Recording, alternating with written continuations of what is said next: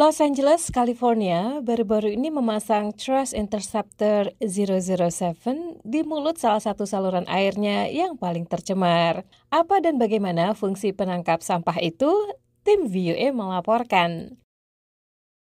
Limbah plastik yang mengalir ke lautan berada pada tingkat yang sangat mengkhawatirkan dewasa ini. Sebagai salah satu county, kawasan setingkat kabupaten yang sangat peduli lingkungan di Amerika, Los Angeles berusaha mengambil langkah konkret.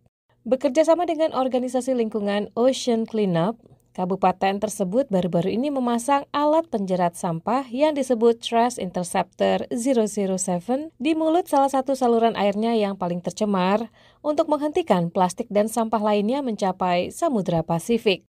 Boyan Slat, CEO dan pendiri Ocean Cleanup, menjelaskan pentingnya menempatkan penjerat sampah bertenaga surya itu di mulut sungai Balona.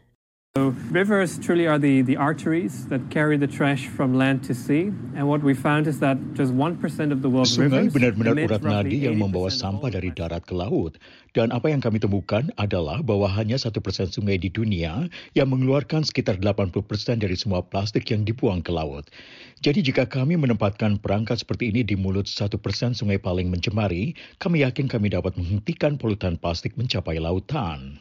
Trash Interceptor 007 memiliki panjang sekitar 22 meter dan dilengkapi 6 penampung sampah. The way it works is that we have these long floating barriers that funnel trash to the front of the interceptor.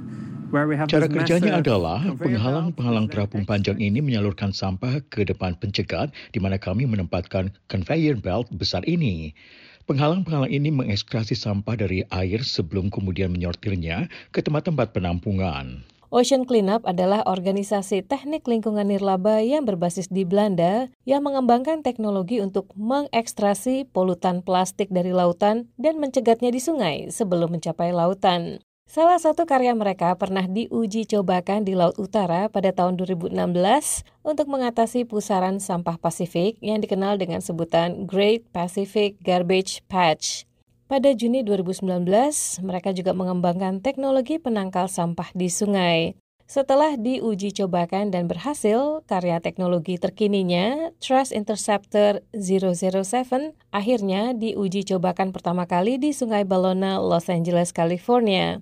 Apa yang dilakukan Ocean Cleanup di Los Angeles adalah proyek contoh selama dua tahun.